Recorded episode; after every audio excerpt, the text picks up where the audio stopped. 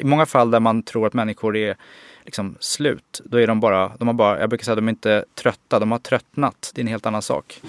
Mm. Eh, och då behöver man mer energi och inte mindre.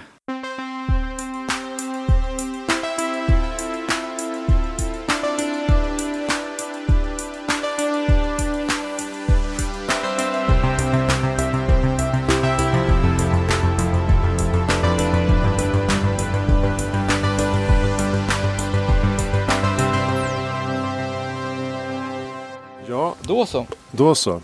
Tiden är knapp, höll jag på säga. Ja. Det, det är den inte. Vi ska komma fram till att den inte det är så kom, knapp. Nej, exakt. Uh, men vi uh, sänder här från Helio GT30 i Stockholm. Heja Framtiden heter podden. Jag heter Christian von Essen och uh, med mig har vi John Mellqvist. Välkommen till podden. Tack så mycket. Vad kul att vara här. Jag tycker det är spännande med dig för att du har tagit någon slags position i det offentliga samtalet kring åldrande och ålderismen. Kan, säger man ålderism? Mm. Ageism. Ja, precis. Det där är lite intressant. Jag, jag, ju mer man, ja du vet ju själv, men ju mer man gräver ner sig i ett ämne desto mer nyanser får man på detsamma. Och jag, en sån var ju att det är ju lätt att tänka att ålderism och åldersdiskriminering är samma sak. Eh, det används lite sådär eh, hipp som happ de här begreppen. Men, men jag tycker det är viktig, en viktig distinktion där att ålderismen är ju liksom de fördomar som finns överallt kring ålder som vi alla går och bär på och som egentligen inte behöver vara dåliga eller i alla fall, de är i alla fall naturliga. Medan när de liksom kantrar över till, till liksom negativa beteenden, eh, det är då som det blir, kan bli åldersdiskriminering, det vill säga det själva det olagliga beteendet så att säga. Det är så att, att du, alltså jag brukar säga att det är okej att sortera in människor utifrån ålder, för det gör vi hela livet. Men att sortera ut människor eh, utifrån ålder, det, det, är då man liksom har, eh, då har man fallerat, för då har man liksom eh, fallit offer för rädsla och, och att man eh, liksom kanske, kanske själv är rädd för att bli äldre och att man vill distansera sig och skapar sådana här bubblor och sådana saker. Och då, det är då som risken är att det blir de här diskrimineringsfallen. Och vi har kommit ganska långt tyvärr i den riktningen Eh, i, i vår del av världen eh, och inte minst här uppe i Norden. Ja, vi kan återkomma till det. Mm. Men hur kommer det sig att du eh, snöade in på just ålder? Då? Du är PR-konsult och eh, ja, föreläsare och lite Ja, precis. Eh, exakt, jag, jag, är ju en PR-konsult som, som ägnar mig ganska mycket åt att spana på framtiden men också att eh, ja, jobba med omvärldsfrågor på olika sätt. Och och jag, jag ska inte säga att jag snubblade över det här ämnet för att jag har ju alltid varit jag har väl alltid nog gått och funderat ganska mycket kring åldersfrågor sedan jag var liten därför att jag eh, när man är liten och ganska lillgammal, eh, vilket jag eh, ändå får anse mig vara, så, eller har varit i alla fall, så, så, så tänker man ju ofta på det här att man kanske tyck, man känner sig kanske lite äldre än, än, än vad man borde, borde göra. Eh, och det där är ju något, lite intressant för det blir ju sen när man, blir, när man verkligen blir äldre så blir man ju bekvämare med att bli äldre också. Så att det, det är ju någonting som jag har noterat att många som, som känner sig lillgamla liksom, på riktigt mår bättre utifrån sin ålder än vad kanske andra gör. Därför ja, man att de... växer in i den på något sätt. Exakt. Va? Eh, och det där är lite, man brukar säga att det finns ju både liksom young elders och old souls. Och jag är väl nog en av de senare. Och det är väl ett skäl det slog an en sträng på något sätt när jag snubblade över ämnet senare i andra sammanhang. Men sen tror jag också att vi i min familj så har vi alltid umgåtts väldigt generationsöverskridande och pappa var ganska mycket äldre och hade i sin tur väldigt många äldre vänner och, eh, och många, väldigt många betydligt yngre vänner också ska jag säga, vilket gjorde att Nej men för mig har det alltid varit liksom en, en naturlig del av eh, hur man umgås. Och, eh, jag har alltid tyckt det var intressant att lyssna på när liksom riktigt, eh, när jag var liten då, riktigt gamla människor berättar saker till exempel. Och eh, de här historierna som, som, som man då bara sögs in. Jag tycker det där är någonting som är, som är fascinerande och vi får liksom inte tappa bort det. Eh, samtidigt så som världen rusar på nu med, med liksom snabb utveckling och digitalisering och, och innovationer och allt sånt där så, så är det så lätt att man förlorar eh, en generation om man inte, om man liksom inte håller ihop samhället. Och det, det är där som jag ser att det, jag tycker det är en viktig samhällsfråga helt enkelt. Mm. Precis, så jag tänkte också, jag, jag tänker på det här utifrån en framtidsfråga eftersom mm. vi får en allt äldre befolkning. Mm. Och om man då ska liksom sortera bort dem per automatik på något sätt. Då det är ett väldigt stort eh, tankefel man gör. Ja, verkligen. Och, alltså man går egentligen, och det är det som är så märkligt att, att det har blivit så att vi Eh, trots att vi blir äldre eh, så, är det, så, är, så, att säga, har de äldre hörts mindre eller man har liksom mer pratat över deras huvuden. Eller, eh, vi, sett, vi har sett det nu under, under pandemin till exempel att, att det pratas ju väldigt mycket om, om äldre och sköra äldre och så vidare. Men man pratar nästan aldrig med de, de äldre utan det är alltid liksom om dem. Eh, och det där är ju dels en generationsfråga. Alltså, de heter ju inte den tysta generationen för inte så att säga, 30-talister och 20-talister. Ja, 40-talisterna är betydligt mer liksom högljudda i debatten och sådär eh, eh, historiskt. Det har vi märkt. Ja, eller, eller hur. Och, och, så det där är ju en aspekt av det. Men sen, sen också att vi har en ganska sen tidigare en ganska mycket bubblifierad åldersstruktur i Sverige. Vi, redan från barnsben så umgås man ju liksom i förskola och så vidare. Eh, liksom ettåringarna för sig, tvååringarna för sig och treåringar för sig. Och det där förföljer oss liksom hela, eh, hela livet eh, faktiskt. Eh, vi har ju personnummersystemet som ju är en, en, eh, liksom ett sätt att från det första andetaget egentligen påminnas om när vi är födda. Och sen eh, har, har vi inte den här ska man säga, tillbaka ner till Medelhavet så ser man ju att man har en helt annan Eh, liksom, eh, familjekonstellation när man umgås vanligtvis då. Alltså man, man är mycket mer tillsammans. Och det är klart att det är djupt sittande kulturella mönster så att det, det, det är ju inte så lätt att bara ändra över en, över en dag. Eh, men, men jag tycker att man bör reflektera över det och man bör faktiskt jobba med det för att det här är verkligen ett område där vi kan bli bättre.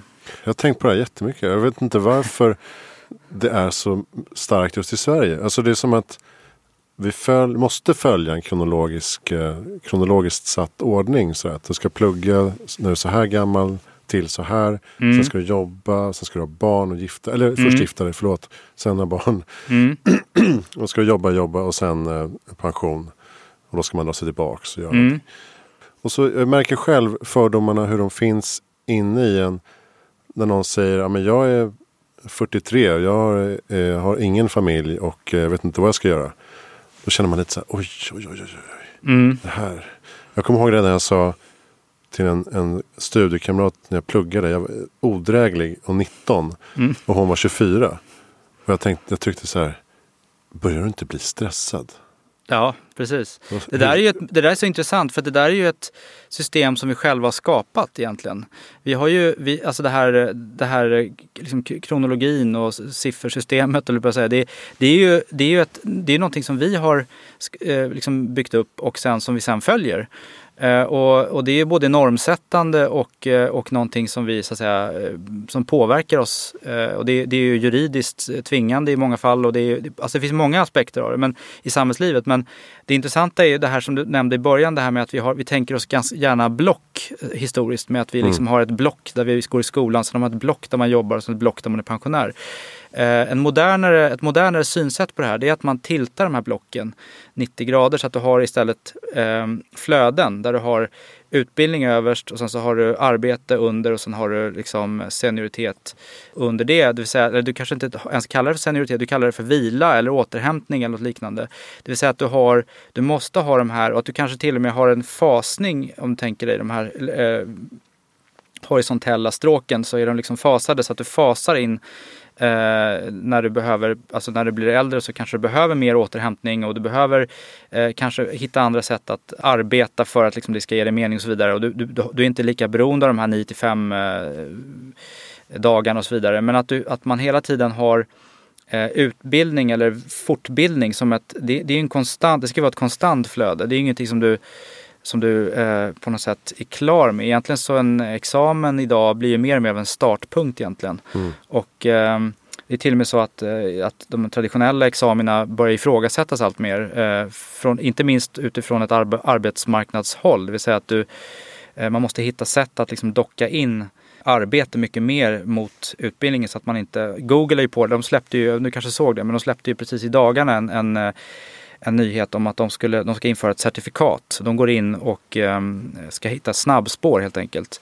Där de eh, helt enkelt kommer dels gå in och sponsra på olika sätt en snabbare, ett snabbare väg till jobb och mer riktat mot specifika färdigheter eh, och, och, funktioner i samhället. Vilket gör att eh, de kommer i sin tur när de rekryterar så kommer de värdera de här fem månaders certifikaten lika högt som en som en, en eh, femårig utbildning. Eh, och det kan man ju tycka en massa saker om. Men det är ju de facto så att, att det kommer att påverka hur utbildningsväsendet kommer att fungera framåt eh, på olika sätt. Det kommer att utveckla när en så stor aktör gör någonting eh, så pass drastiskt. Och det här är någonting som man har varit på sedan 80-talet eh, på olika sätt. Och egentligen, men det tar ju tid liksom, att få igång sådana här saker. Jag tror att eh, det här med livslångt lärande kommer ju vara någonting som vi kommer att, att nöta in mer och mer i, i samhällskroppen så att säga. Så att vi kommer att bli mer, mer och mer vana vid det sättet att tänka. Det är vi inte riktigt än. Det är fortfarande de som är väldigt långt fram i de tankarna och, och så är det de som tycker att nej, det, vi ska ha det som vi har haft det. Och så kommer det där att, att nötas mot varandra en tid. Men de facto är det att vi ser ju fler och fler både behov av och faktiska, faktiska fall av just karriärstarter mitt i livet, alltså nya karriärer och så vidare. Att man mm. liksom ser egentligen nya platåer eh, under livets gång där man gör olika saker. Och det tycker jag personligen är, är, är det kanske det sundaste synsättet på en, en, bra yrkeskarriär. Det är att man, man tänker sig att man har, eh, och, och sett till ålder då, att man, att man är på en viss platå en viss tid.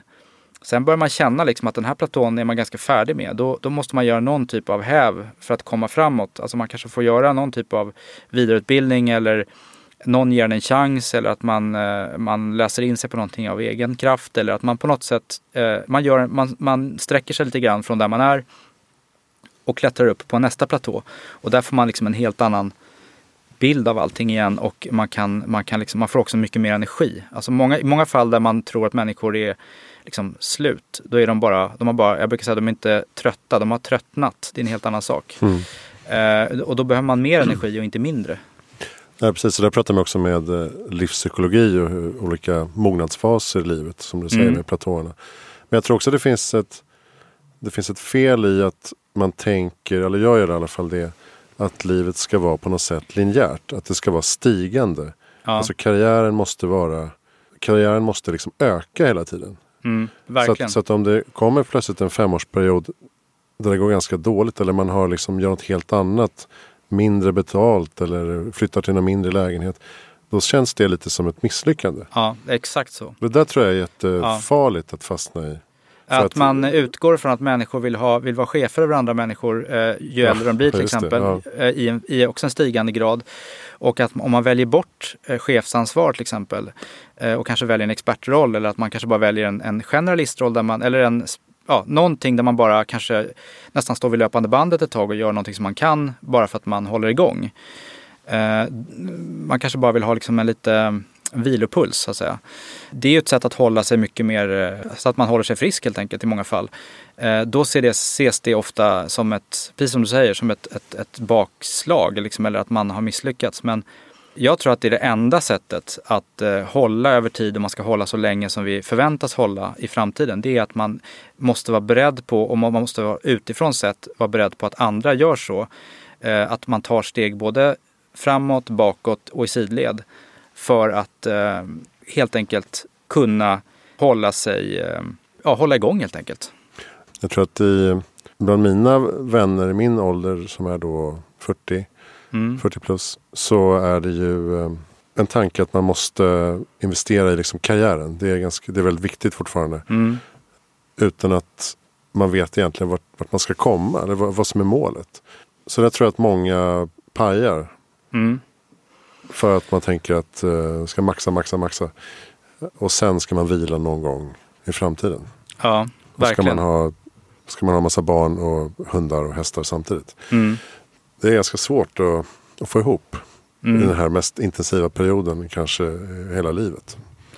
Ja, jag tror att många människor är, är inte eh, Alltså går runt och gör saker, eh, hoppar in i ekorrhjulet utan att veta varför eh, de håller på. Och Eh, Eh, det är bara att titta på, man kan titta på, på olika faktorer men eh, en, en sak är ju bara att se att fler och fler människor söker ju, alltså de söker ju svar. Alltså, det är färre och färre som går med i olika kyrkor och så vidare men det är fler och fler som tror på olika, alltså som ändå bekänner sig till någon typ av andlighet för att just eh, försöka hitta någon mening med det de håller på med. Och nästan all lyckoforskning visar ju också att att engagera sig i någonting, eh, vad som helst, där man inte sätter sig själv i, i, eh, i centrum utan där man engagerar sig på något sätt för någon annan eller något annat, något större, det får det också att må bättre. Eh, så att, ehm, eh, och det får ju dessutom omvärlden att må bättre. Så att jag menar alla de här faktorerna är ju indikatorer på att, att det finns en väldig vilsenhet där ute. Och eh, titta på ohälsan hos unga till exempel, det är ju en annan sån alarmerande faktor. Att, att man analyserar det där så tror ju de flesta insatta att det beror mer på, det beror inte så mycket på digi ren digital stress som man tror att man, så här, skärmtid och sådana saker. Utan det handlar snarare om kanske vad man har på skärmar. Alltså det här med att vi jämför varandra hela tiden till exempel. Mm. Och att, att en generell vilsenhet och, och faktiskt oro inför, genuin oro inför framtiden. Man vet inte riktigt hur den ska dana sig. Man vet inte hur man ska jobba i framtiden, man vet inte med vad. Måste jag välja rätt spår? Hur gör jag det? Det finns otroligt mycket att välja mellan. Hur ska jag hålla? Alltså den där typen av frågor ställer sig unga väldigt tidigt idag. Och eh, eh, därför att de också får så mycket information eh, och det är ju någonting bra i grunden. Man, de är väldigt mycket mer informerade tidigt. Men eh, de behöver ju också hjälp att sovra såklart. De behöver hjälp med källkritik. De behöver också hjälp med eh, vägledning. Och där tror jag också att det är en väldigt viktig eh, Eh, aspekt av hela åldersdiskussionen och generationsdiskussionerna att få ihop generationerna mer. Därför att om det är någonting som, som äldre kan ge yngre så är det grundtrygghet och och stabilitet. Eh, och det, för det är någonting som man liksom inte kan det är någonting som du förtjänar, du får det med tiden så att säga. Eh, du blir tryggare i dig själv och det, sprider, det kan du sprida till andra. Um, har du människor som är lika gamla i samma, alltså som klassrum helt enkelt, på arbetsplatsen också, då kommer det skapas väldigt mycket intern konkurrens och, och dåliga beteenden också. Så att, så att eh, en bra åldersspridning är också ett bra sätt att bygga starka samarbetskulturer. Ja, precis, och du menar att det påverkar också innovationsklimatet. Ja. Eh, jag tänker att det är väl också en jämställdhetsfråga. Precis som vi pratar mångfald, eh, bakgrund, eh, kön. Så borde man ju prata mer ålder i de termerna. Ja, är, är det någonting man har liksom glömt bort? Tror Uh, ja, jag brukar ta upp det som att det är, det, det, det är den kanske minst uh, exploaterade av, av, alla ismer som finns. Uh, alltså sexism, rasism och... alltså det här, det är någonting som... som, som Alltså bland de här diskrimineringsgrunderna så är ju, så är ju ålder en av de yngsta så att säga. Och det är ju det är någonting som, som Eh, ja, det kan man ju diskutera varför, men, men jag tror en anledning är ju att det är någonting som absolut alla måste förhålla sig till. Det är ju, man är ju sin egen fiende så att säga om man beter sig ålderistiskt eller diskriminerar någon annan därför att du kommer själv Va? Du kommer själv att kunna hamna i samma situation. isoleringen ner. Där man kastade sig. Ja, ett anfall. Ja. Jag sa någonting kontroversiellt. Ja, verkligen.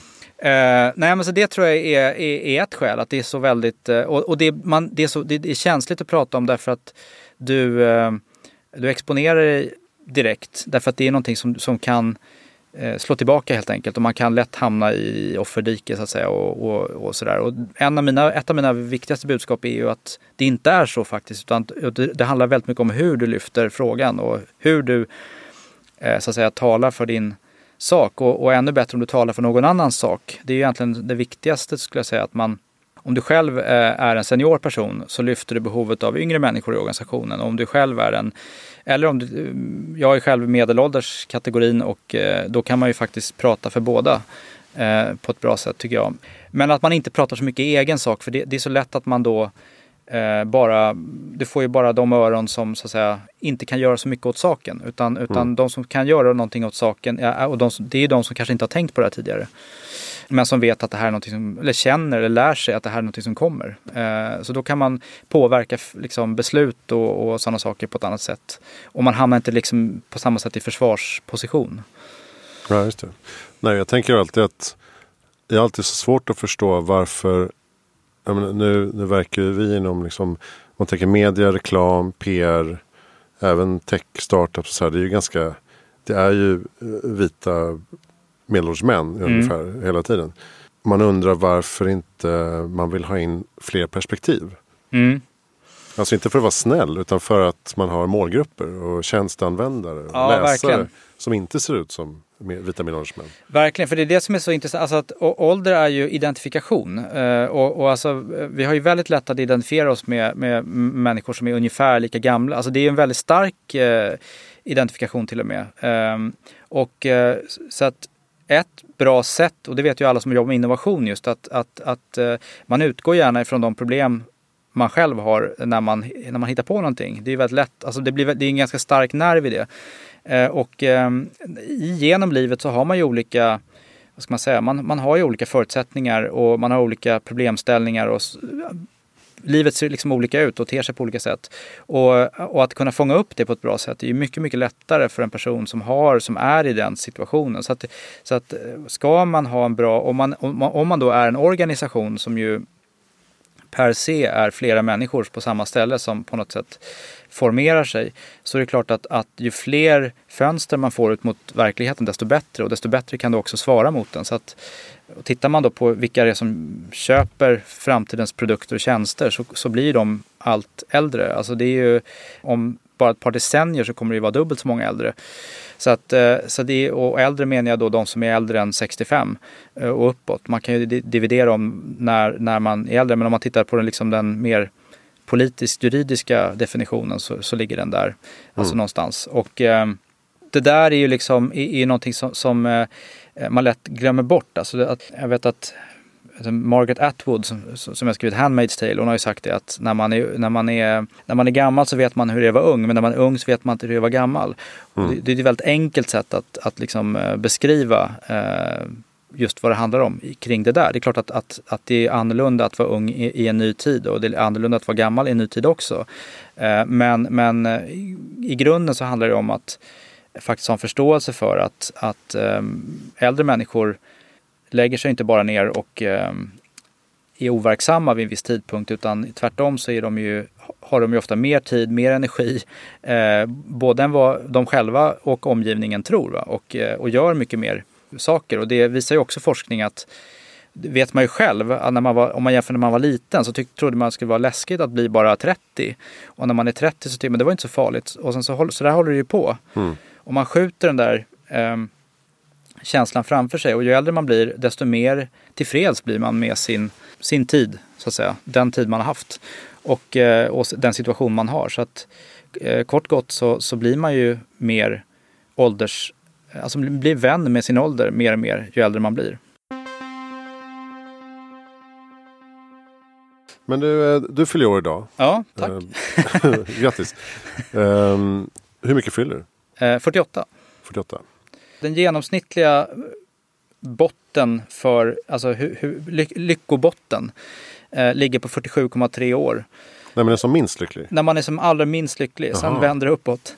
Det är det här, den berömda um, happiness U-curve som det heter då, där man successivt, alltså man börjar någonstans i 30-årsåldern så går ut i livet eller 25-30-årsåldern och sen så går det successivt neråt, lyckokänslan och sen så någonstans där vid ja, kring 50 så vänder det uppåt igen. Och eh, rent statistiskt så ligger den, läser jag på 47,3 mm. eh, för närvarande. Och eh, den ser ut som en smiley då. Den här Det borde ju vara precis tvärtom, tycker man.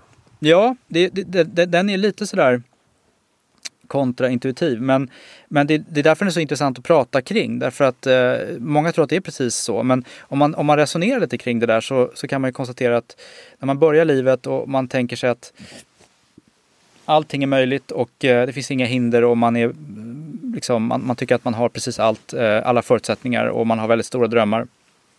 Och sen så när man ger sig ut, sen så nöts man ju successivt då mot verkligheten på olika sätt.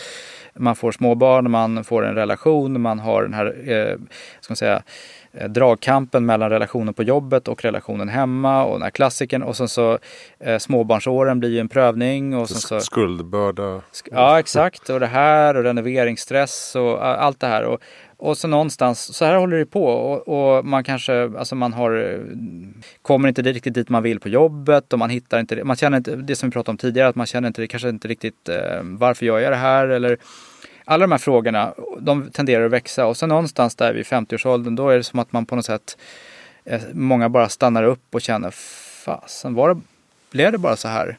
Eh, nu går det ju bara ut för. Och så, så är känslan då att man, man tror då att, att sen kommer det liksom att verkligen gå ut för. Men, men sanning, sanningen är den att det är, det är någonstans där så väldigt många människor på olika sätt gör någon typ av skifte i livet. Alltså det, är, det är många relationer som tar slut där, det är, det, men det är också många byter jobb, karriär allt oftare. Eh, man ser ju flera liksom byter stil radikalt eller alltså man, det händer någonting där.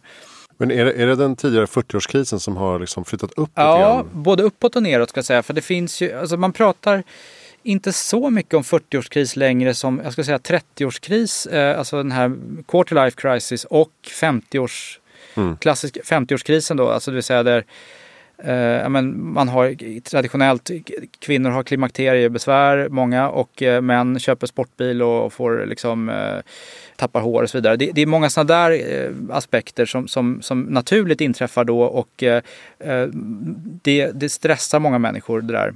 Så där har du igen den biologiska faktorn har ju ett, liksom en, en del i det här såklart. Men, och sen är det mycket livstidsbetingat eh, också och, och normbetingat. Alltså hur ser vi på människor? Och man kanske inte riktigt eh, heller då, förrän då börjar vänja sig vid tanken eller ens umgås med tanken att man börjar bli en äldre person.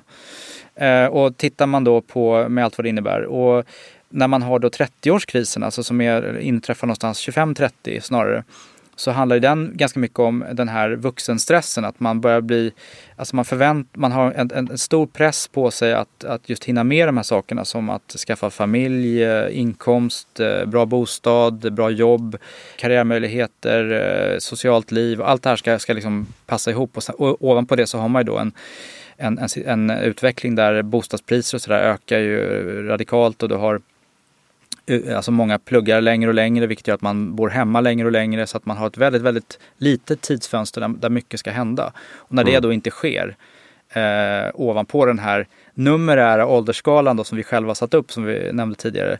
Då skapar det ju en, en, en stress som i många fall är obefogad såklart. Men hur ser du själv på ditt eget åldrande? Mm. Um, du känner dig bekväm med den ålder du är nu. Mm. Ja, det får jag nog säga. Alltså jag, jag, jag, jag trivs med, jag har inga problem med att bli en äldre person, absolut inte. Och eh, sen är det klart att ja, men det, det, till mans, alla känner ju tidigare att så här, fast, det här klarade jag ju galant förut och nu känns det liksom lite tyngre. Alternativt att man, man känner att eh, eh, ja, man bara noterar att, att det har gått många år. Men, men eh, på det stora hela så måste jag ändå säga att jag, jag känner mig själv som en mer kapabel person idag än vad jag gjorde för ja, 20 år sedan eller 10 år sedan. Eller vad det, säger. det har att göra med hur man, eh, ja, men hur man utvecklas också och vad man tycker är viktigt. Eh, och sen tror jag också, som jag nämnde tidigare, att man, är man lite liksom en, av en old soul ty, som typ, då har man också lättare att, att eh, ta sig an åldrandet. Jag, jag, jag, har jag kan ärligt säga att jag har inte haft någon någon åldersnoja på det sättet. Och det, jag tror också att faktiskt det faktum att jag jobbar med frågan gör ju också att, lite som en läkare som, som eh, jag höll på att säga, någon som väljer läkaryrket för att man en gång var rädd för läkare. Alltså det är ju en vanlig Mm. Alltså det här att man har, man har liksom grubblerier kring det där och då, att, att då ta sig an och komma närmare området det gör ju också att man, eh, ja, man blir mer bekväm i det. Man blir mer simkunnig. Har du någon, har någon, åld, någon siffra för hur gammal du ska bli? Ja, det där är en svår fråga. Alltså jag, jag, jag har faktiskt eh, landat i, jag har brottats med den här frågan ganska mycket för att eh, den är ju självklart, den finns ju där. Men eh, jag ser nog ingen äldre eller någon övre eh, gräns så länge man får vara frisk och, och känna att man har någon slags eh, ja, men mening i tillvaron. Att man eh, trivs med att gå upp varje morgon och, och åtminstone vakna varje morgon och, och må bra. Liksom. Um, så att det där är ju det är en svår fråga. Men jag, jag, jag, är, jag försöker att vila tryggt i att um, det här att, att om man tittar på hur välbefinnande så ser man att det kryper längre och längre uppåt i, i åldrarna och människor mår bättre och, och liksom trivs med sitt liv eh, långt mycket bättre än vad många tror och än, ofta än vad de själva tror också när de var yngre. Så att eh, jag, jag hoppas att jag får leva friskt för då då kan man också leva längre såklart. Och, och sen så, så är det klart att kommer det några genombrott på, på det medicinska området och så vidare så ja, kommer det göra, och på många sätt innovationer så kommer det göra livet enklare när man blir äldre. Så att, eh, eh, eh, nej, jag har inte tänkt någon specifik siffra. Jag försöker inte tänka i siffror så mycket. Men, men, men eh, jag försöker, ett långt liv skulle vara trevligt om man fick leva det friskt. Är du insatt i åldrandeforskningen som pågår också? Som är det, är det klart. hetaste i Silicon Valley. Ja, ja precis. Jag, jag, och det var ju faktiskt eh, anledningen till att jag själv började plocka upp det var ju att jag, jag hade ju ämnet på mina framtidsföreläsningar som en liten del. Och då var det just den vinkeln, alltså det var ju det som pågår där borta.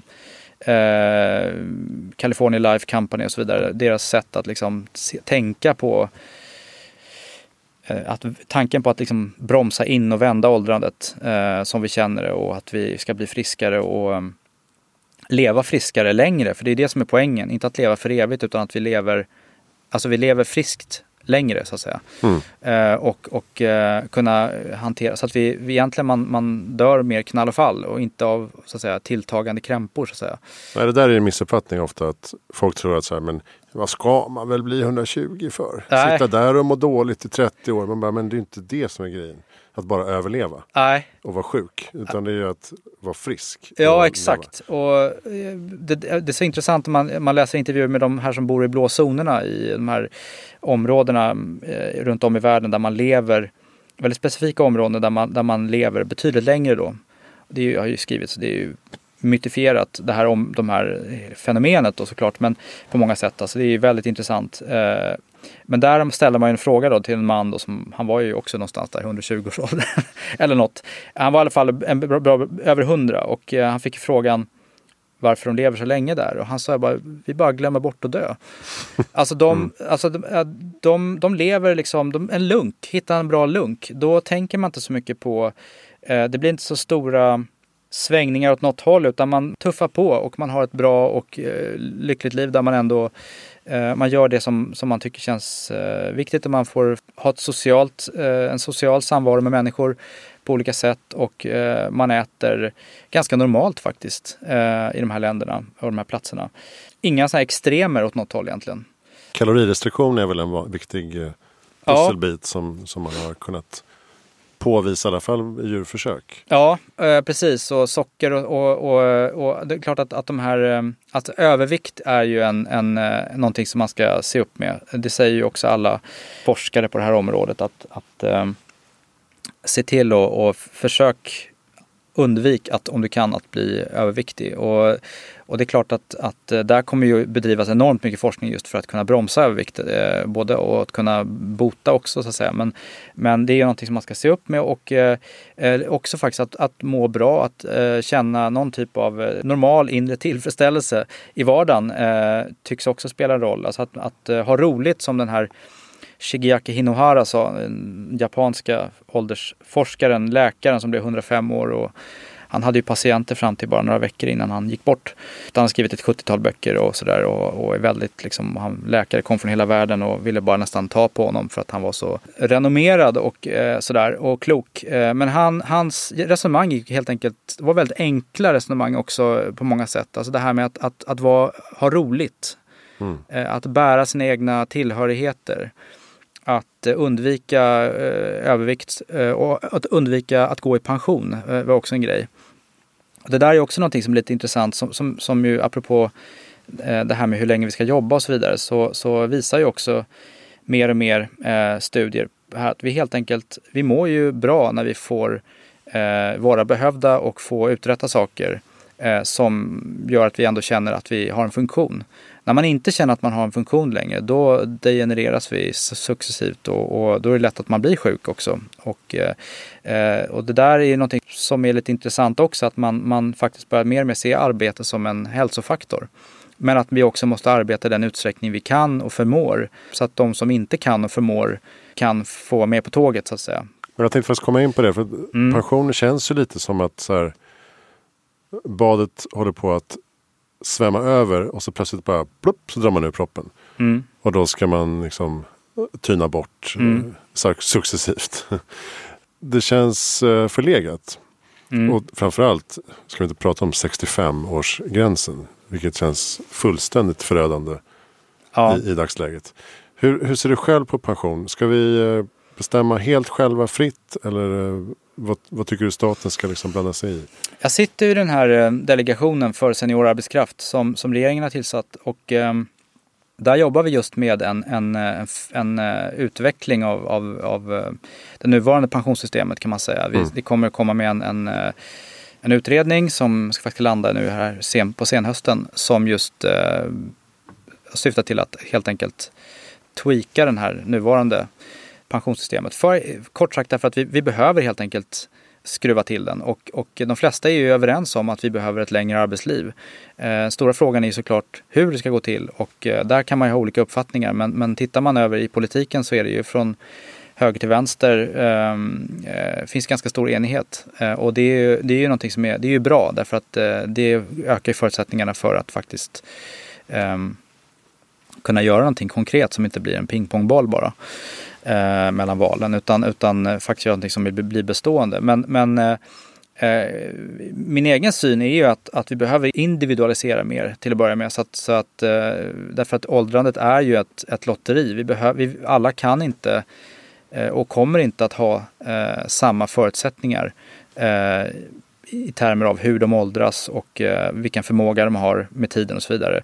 Och eh, somliga har sin, eh, sin så att säga, förmåga koncentrerad till, till början av livet, andra mitt i livet och ner, en, en annan del har senare i livet. Och somliga bara lunkar på. Eh, och en del behöver hitta ny energi eh, i en tid där många tror att de ska eh, sluta. Eh, så att eh, det där är ju liksom Eh, Eh, det är så väldigt olika och det där måste, då måste man hitta ett system som svarar upp mot det där. Så att jag, jag tror också att, att eh, och det, det, svåra är såklart att göra så att det blir, så att det blir rättvist och så att det blir liksom eh, tydligt.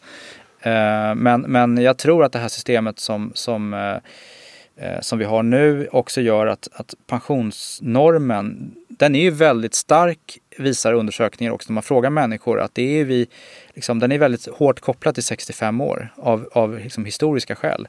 Det ligger ju kvar sedan kroppsarbetet var liksom normen ja, på något sätt. Och nu när vi har en kunskapsekonomi och, och så vidare, då, då, då är ju det här, blir mer och mer förlegat. Till och med arbeten som tidigare var väldigt tunga och svettiga, de blir mer och mer datoriserade och robotiserade vilket gör att alla blir på, mer eller mindre kunskapsarbetare i någon mån va? och, och eh, tunga lyft ersätts av robotar och så vidare. Så att, eh, och det här sätter ju också fingret på, på eh, att vi måste, kunna, vi måste öka rörligheten därför att om man ser det, det LAS-system som vi har idag, det är ju traditionellt var det ofta, eh, eller det var ju som säga, satt att reglera framförallt yrken där man ansåg att äldre inte orkade och då vill man skydda dem eh, mot att bli eh, ut, rangerade på olika sätt. Men, men man kommer ju kunna se, om man tittar lite längre fram, så kommer man ju se att det kommer ju harmoniseras mer mellan yngre och äldre i, i termer av vad de orkar. Det kommer ju snarare handla om eh, kopplat till hur, hur, man kan utveckla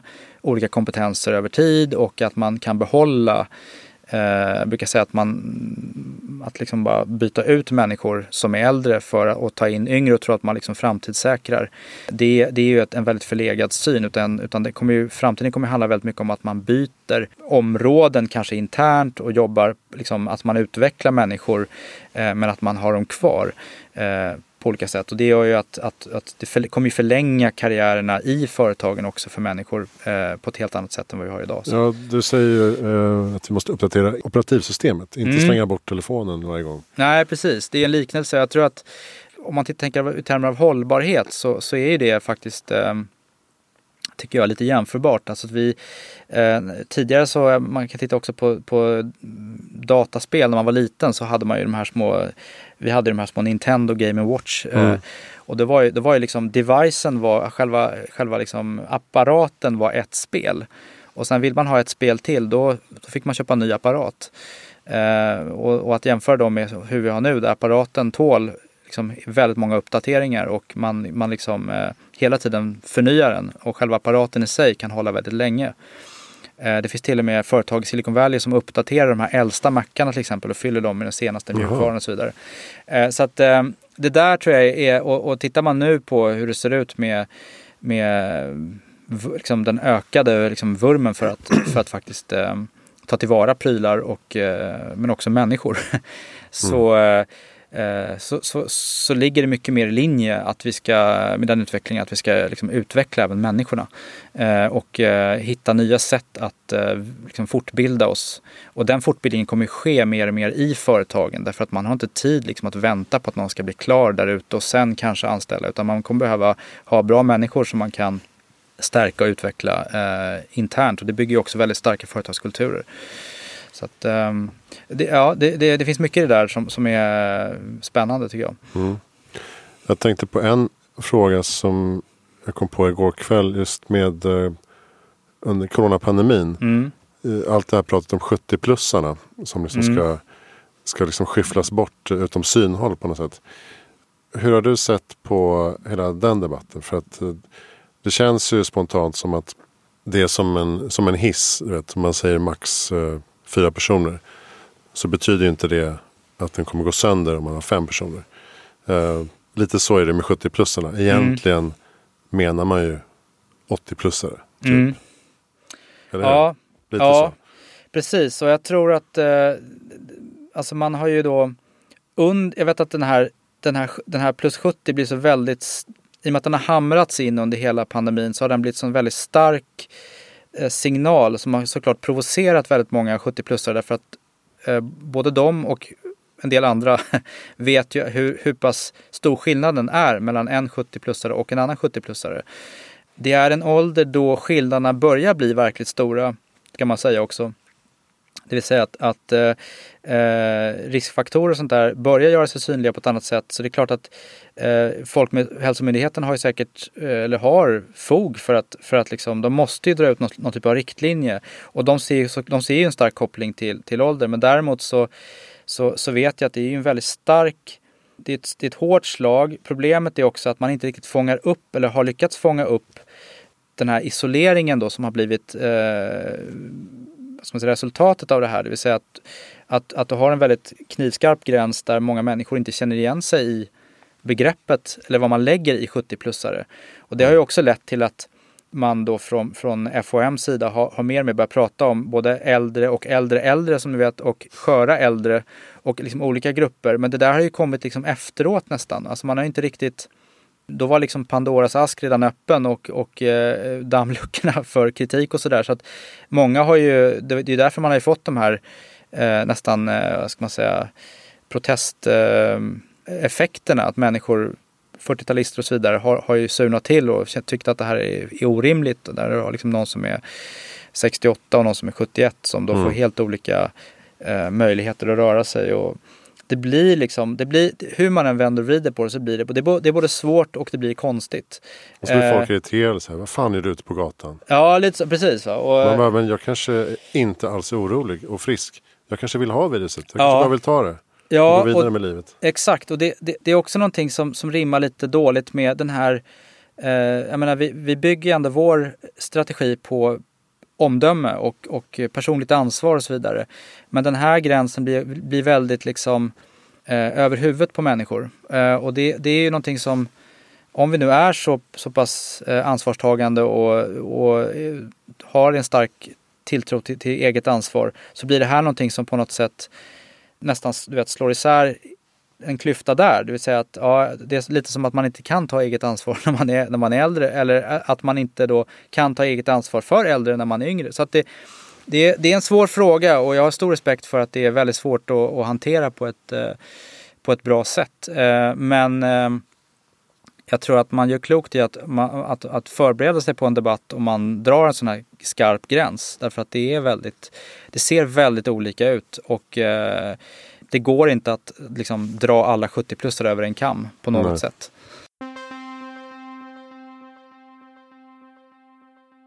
Det börjar bli dags för avrunda. Mm. Eh, vad är ditt bästa tips för att göra världen bättre i framtiden?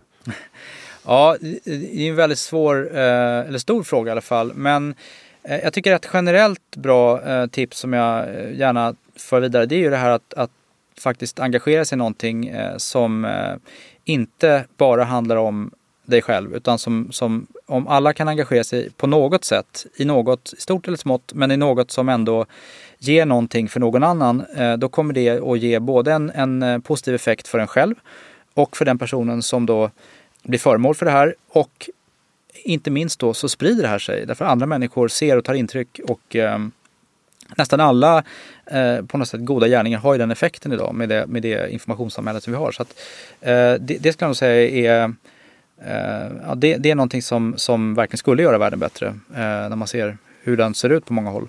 Mm. Eh, och bra lästips. Jag ska säga att din egen bok är under produktion. Eller mm. säger man? Precis, Välj din ålder kommer den heta och den, den kommer ju ut eh, som planerat senare i höst.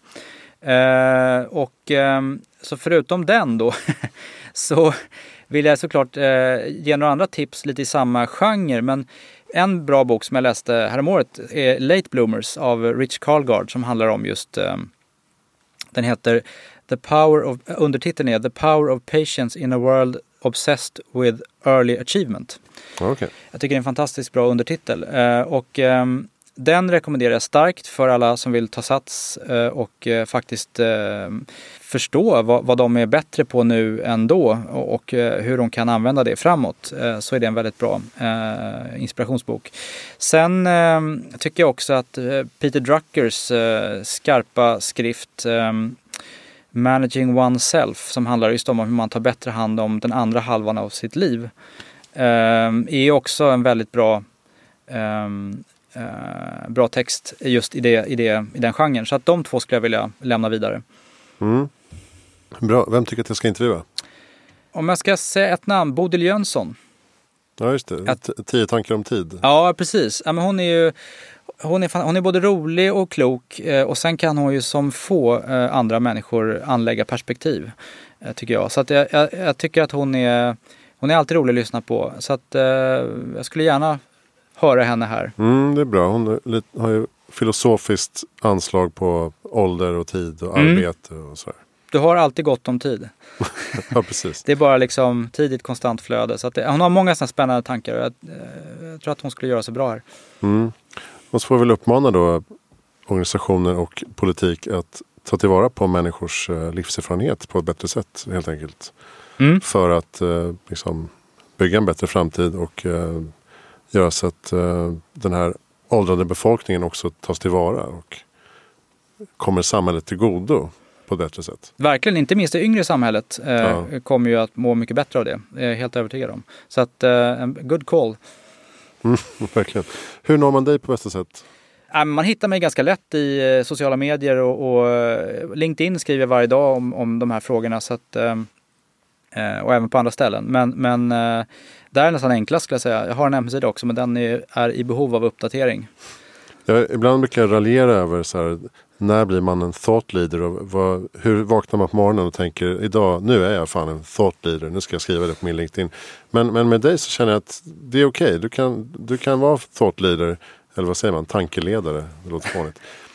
Men att, eh, att du tagit en fråga, gjort den till din så att säga. Ja, ja det där det är ett, det är ett, det är ett ofantligt ord alltså. Men, men, eh, men eh, jag tror att, att, att ta någon typ av ledarskap i en fråga, det är faktiskt enklare än man tror.